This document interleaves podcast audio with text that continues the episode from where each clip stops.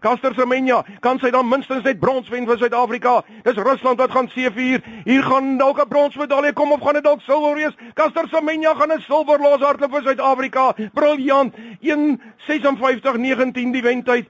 Drie Amerikaners, gereed is hulle en weg is hulle en is Gatland wat 'n goeie wegspring gehad het en uh, Johan blyk, maar die kom Gatland en nou is dit Usain Bolt wat die krane oopdraai. Usain Bolt gaan hy die goud wen. Ja, Usain Bolt baie gemaklik. 964. Dis 'n nuwe Olimpiese rekord.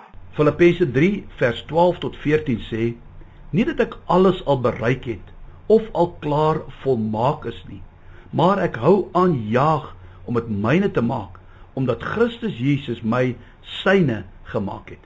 Nee, broers en susters, ek reken self nie dat ek al is wat ek moet wees nie, maar een ding is seker, ek vergeet dit wat agter my lê en strek my uit na dit wat voor lê. Ek jaag wenpaal toe na die hemelse prys wat God deur Christus aan my gee. Paulus gee vir ons vandag baie goeie raad in die wedloop van die lewe. Baie van ons kan ons so met hom vereenselwig as hy sê, ek het nog nie alles bereik. Ek is nog nie volmaak. Ek is nog nie wat ek moet wees nie. Dit klink baie soos my lewe en ek seker ook soos joune. Maar ten spyte hiervan, kyk wat sê in vers 12. Ek hou aan jaag om dit myne te maak. Nou luister hierna. Omdat Christus my syne gemaak het. Wat 'n stelling om te maak. Wat 'n groot waarheid. Jesus het vir jou en my syne gemaak. Die dag as jy hom aanneem as jou persoonlike saligmaker, word jy syne.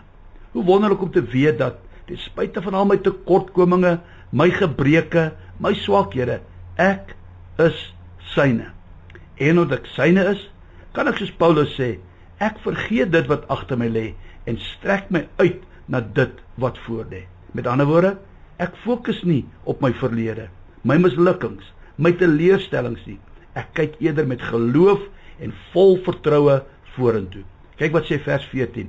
Ek jaag wendpaal toe na die hemelse prys wat God deur Christus Jesus aan my gee. Luisteraar, ek wil vir jou aanmoedig. Jaag, hardloop, moenie ophou, moenie moed verloor. Daar wag 'n wonderlike hemelse prys en die Bybel sê God gee dit aan ons deur Christus Jesus. Jesus het die volle prys betaal sodat jy en ek die hemelse prys kan ontvang. Here, baie dankie dat U met ons gisters gedeel het sodat ons vandag seker kan wees van 'n wonderlike toekoms môre.